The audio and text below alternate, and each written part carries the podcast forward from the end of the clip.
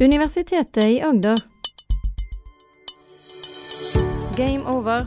Algoritmene overtar. Du hører Maren og Morten snakke om kunstig intelligens.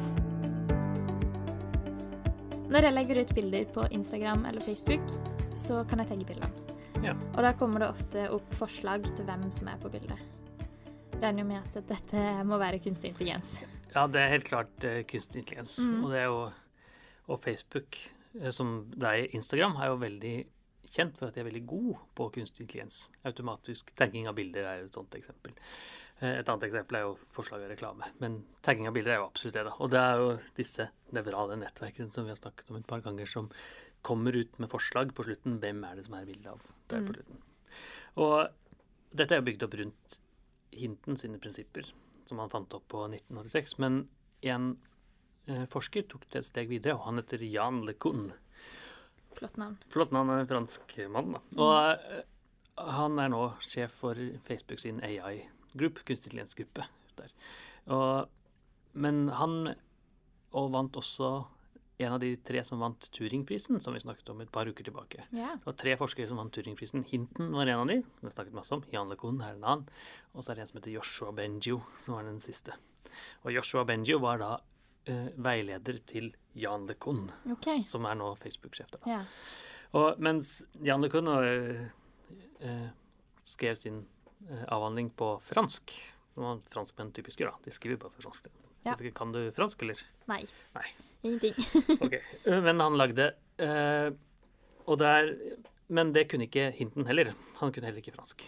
Og den gang så var det sånn at disse forskningsartiklene gikk jo fram og tilbake. Men det var ikke noe Google Translate, for eksempel. Nei, så det var ikke så lett å oversette. På 1980-tallet for eksempel, så midten, det var 1985 da, det var ikke det så lett å oversette. Men Hinton hadde fått tak i en artikkel som LeCun hadde skrevet. Hinton, som var britisk og flyttet til Canada og engelsk del av Canada, Mm. eh, engelsksnakkende, fikk jo tak i denne franske artikkelen som han egentlig ikke forsto noe særlig av, utenom noe matematikk og noe illustrasjoner. OK, så det så han at det var noe med. Her var det noe relevant Ja. som han syntes var interessant. Mm. Og det viste seg da at uh, de hadde veldig mye til felles. For Ja. LeCun likte veldig godt disse nevrale nettverkene som Hinton jobbet med. Og da Hinton var på en konferanse i 1985, så ble han spurt om å holde tale. Og etter en tale, så en, etter man holder en tale eller et foredrag, så er det typisk sånn at veldig mange strømmer til foredragsholderen og har spørsmål osv. Ja. Og da sa Hinton at han ville ikke snakke med noen av dem, men jeg har snakket med en som heter LeCun, for han hadde lest en artikkel. Var han her? Oi. Og så sitter LeCun litt smånervøs, ser for meg i hvert fall. Han og, øh, får tak i en professor som har jobbet mange mer år i Mm. feltet. Og Hinton forteller at øh, kanskje de skal ta lunsj sammen. de. Og det var jo starten på et veldig, veldig godt samarbeid. Ja. For etter at LeCun var ferdig hos, med doktorgraden sin, så reiste han til Canada og var med i denne gruppen til Hinton i mørke rommet i kjelleren i et eller annet sted i Toronto. Og var med å utvikle algoritmene mye videre. Så han var den som da tok det med visuelle algoritmer. Det er han som har fokus, størst fokus på det. Helt riktig. Han Ja. var veldig interessert i de visuelle. Ja. Å få ting til å kategorisere eh, visuelt. Ta bilder, da. Mm. Og gjøre det, komme en kategori ut av det. Ja. Så da du snakket om for en ukes tid siden, hvor du åpnet telefonen din, f.eks. Mm. Dette var en sånn visuell algoritme. Ja. Eller Facebook, som gjør automatisk kategorisering av bilder. Også en sånn visuell algoritme. Mm. Og han lagde en algoritme som het Lenett. Vet Siden ikke du kan fransk, så, så skal jeg fortelle hva oversettelsen Ja, er. det Det betyr nettet. Le betyr Ja. det, da, tror jeg. Jeg kan ikke fransk heller, men jeg tror det betyr Ja. det. Eh, Jan Lekon lagde Lønnet, som var en visuell algoritme. Og eh, han eh, Teknikken er jo nevralt nett, og spesielt i en variant som han kalte convolutional neural nett. Så trenger vi ikke å gå mye inn på akkurat hva det betyr, men det er i prinsippet en måte å strukturere alle disse nevronene på, på en okay. litt spesiell måte. da. På en litt annerledes måte enn det en hadde litt gjort annen- tidligere. Ja, helt riktig. Og det, det, man, det han egentlig gjør, var at han istedenfor å la alle disse nevronene koblet med alle andre nevroner, så innfører man eh, noen lag, Mm. og, og disse lagene har spesielle oppgaver. Ja. Så noen lag har som oppgave å, å være filter, f.eks. Eh, eh, og et filter er sånn at bare noe slipper gjennom. Eh, man kan tenke filter som eh, eh, en på et utested, f.eks. Vi skal prøve å komme inn på et utested Mm. så kan den som står og bestemmer hvem som skal inn og ut, si at det bare de med fine sko får lov å komme inn. Ja. Typisk ting som sånn utestedsmannen gjør. da. Og, og det som skjer da, er at det, grupp, utenfor utestedet så er det masse mennesker. Men innenfor utestedet så vil det bare være folk med fine sko. Mm. Og det er et filter, da. Og Lekon bygde opp sin algoritme rundt sånne filter på bilder. Mm. Han sa at disse filtrene skal da filtrere vekk noen prinsipper, f.eks. streker. Bare hvis det er streker, så skal det gjennom her. Ja. Bare hvis det er sirkler, skal det gjennom her. Må det være i en spesiell rekkefølge da, eller er det en Ja. tilfeldig oppsett? Så uh, I starten så er alt tilfeldig. Ja. Starten er filtrene helt bygd opp Uh, De kan endre seg hele tida. Ja, bare kaos. Ja. Så vet jeg at når du begynner med disse algoritmene, så vil den gjøre masse feil. Ja. Dytter inn bilde av en katt, og så vil den si hund eller katt. Mm. Eller kanskje katt, hvis du er veldig heldig, Mm. men uh, fugl eller bil eller hva som helst. Litt avhengig av hvordan det er bygd opp. Og så, og så tar man da prinsippene, og så sier at ja, du gjettet feil. Og så oppdaterer du alle nevronene, men også filtrene bakover, Ja. og sier at nå sa du at det var en fugl, men egentlig så var det en katt. Ja. Så da oppdaterer du litt. grann. Og så gjør man det mange ganger. Tusenvis, kanskje millioner av ganger. Litt eh, avhengig av hvor mye data datakraft man har tilgang. Og så får man da eh, blir filtrene bedre og bedre. Og til slutt så klarer jo filteren å kategorisere ut hva som er relevant. Hvis man kjenner en katt, f.eks., så er det typisk eh, strek rundt øret. Katter har spisse ører Ja. som en relevant ting. Mm. Så katter har spisse ører, mens hunder har liksom typisk litt sånn lange ører osv. Så, videre. så spissmekanismen antageligvis er det filter som, som har spesialisert seg på akkurat om det er en spissøre eller ikke spissøre i en algoritme som skal kjenne om det er katt eller hund, f.eks. Mm. Og det var akkurat det Lekon jobbet med. Men det han jobbet med, var egentlig eh, kjenne bokstaver. For å kjenne igjen bokstaver. eh, Og A, B, C, D osv. Men eh, også tallene 0, 1 til 9. For en, på midten av 80-tallet og litt senere så var det ingen teknikker som egentlig kunne kjenne igjen de. Så han Nei. satt og skrev på sin Amiga 500, som han jobbet med. Eh, satt og skrev masse tallene om igjen og om igjen. Da. 9, 9, 9, 9. Tegnet de, og så lot han algoritmene, denne Lønnet, lære seg hva er det som skiller mellom de, de type Hva er som er kjennetegnet på en åtte. Så uten at han null, sa hva som var kjennetegnet, Helt så klarte han å lære seg det. Akkurat det er poenget. Ja. Så man kan gjerne programmere inn at en åtte er to sirkler, Mm. og få en algoritme på det, men poenget er at uten at du sier det, Mm. bare dytter inn null til ni, og så skal den finne Ja. ut det. Og det datasettet han bygde opp der, det er blitt veldig, veldig kjent datasett. Så da, i dag klarer man å kategorisere 0 til 9 med noe sånt som 99,87, tror jeg det er. Prosent riktig.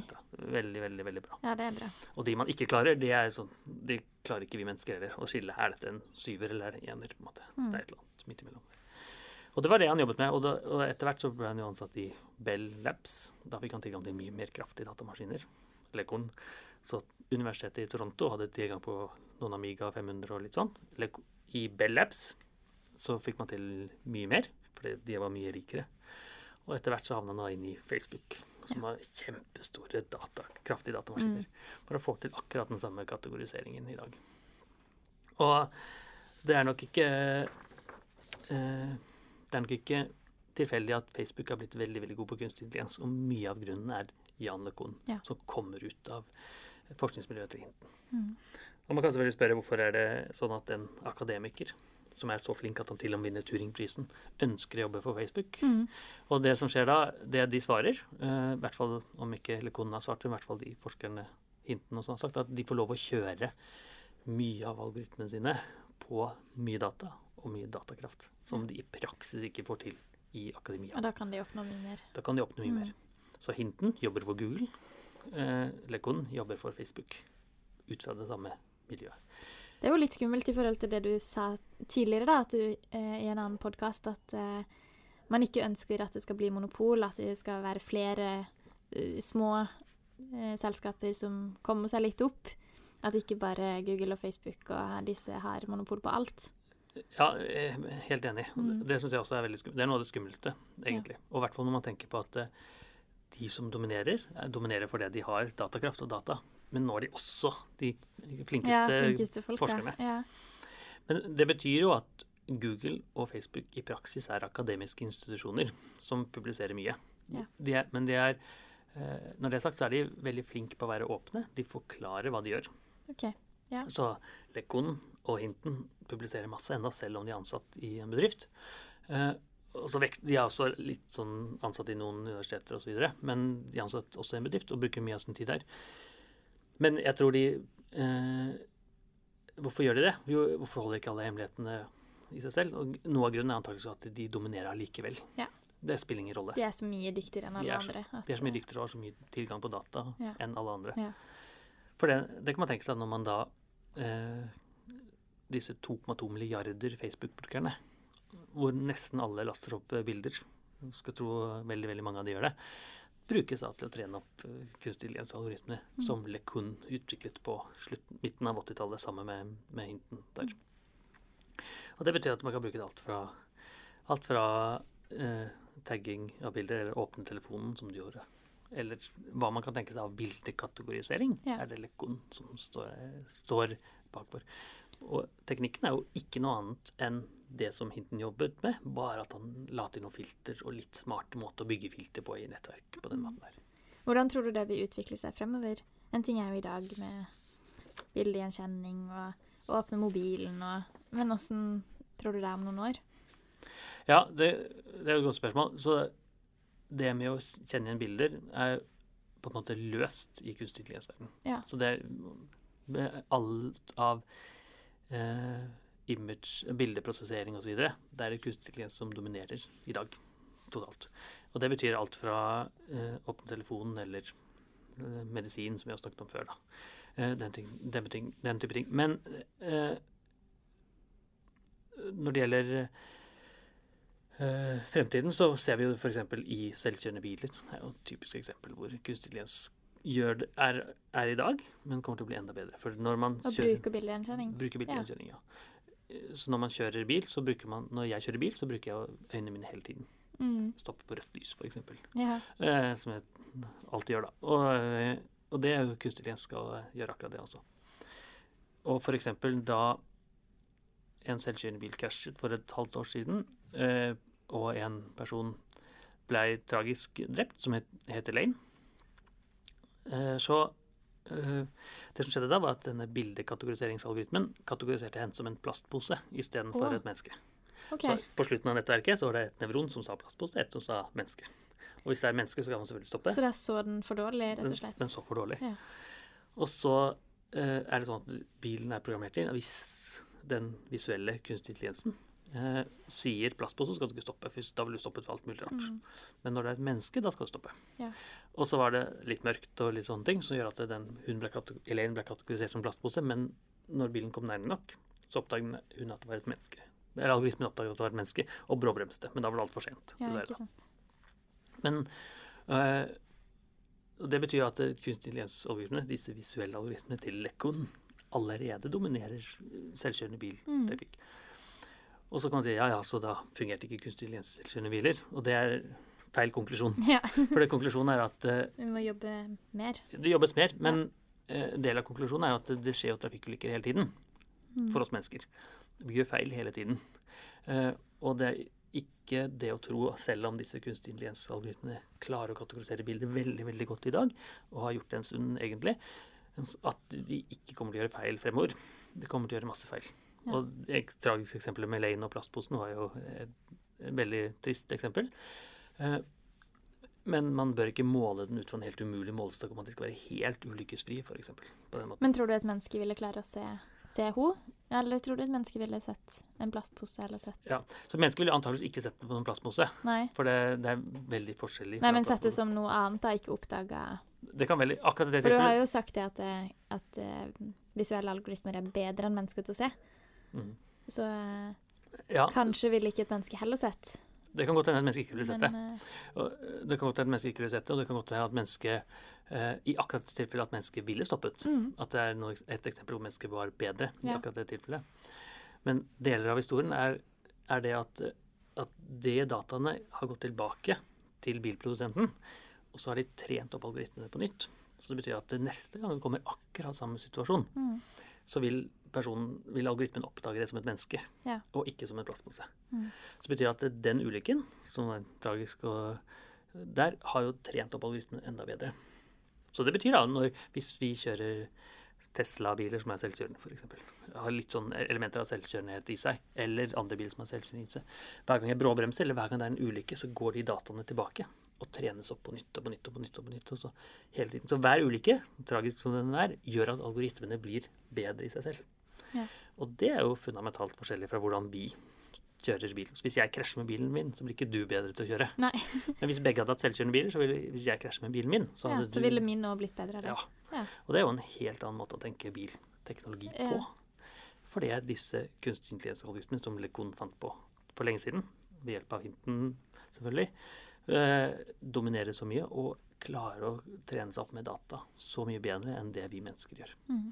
Så betyr det at hvis en australiener bråbremser for en kenguru, så blir jeg litt lett, bilen min, hvis den har vært selvkjørende, da, litt lettere til å kjøre til hytta i Norge, f.eks. Ja. Og det er jo ja, det er jo eh, ikke det at jeg har råd til en selvkjørende bil, men hvis jeg hadde hatt det, da. Ja. Universitetslønnen er ikke kanskje en gang i fremtida. Ja, de blir sikkert billigere etter hvert. Ja. men det er jo det det betyr. Det betyr at disse algoritmene som leder nå i bildekategorisering, de dominerer i dag, men de kommer også til å dominere veldig veldig mye mer i fremtiden fordi de er så veldig gode til å se. Og vi bruker øynene våre hele tiden. Ja. Alt mulig rart. Så butikken som vi snakket om sist gang, Mm. hva er det jeg velger å ta ned? Selvkjørende nei, visuell algoritme. Mm. En lønnøtt, hvis man vil. da. Ja. Eh, Men når jeg f.eks. åpner telefonen, eller når jeg snakker med et annet menneske, hvem er det jeg snakker med, f.eks.? Dette er jo typisk ting som eh, kan skje helt automatisk ved hjelp av eh, disse algoritmene. Så når du spør hva betyr det for fremtiden, så er det rett og slett Kan du tenke deg et sted hvor du bruker øynene dine til å kategorisere på en eller annen måte? Og da kan det antageligvis også automatiseres av kunstig intelligens. Hvis man bare bygger det opp. Du hører Maren og Morten snakke om kunstig intelligens. Har du spørsmål til Maren og Morten, send en e-post til gameover.alfakrølluia.no. Du har nå hørt en podkast fra Universitetet i Agder. Du finner flere podkaster fra UiA på uia.no podkast.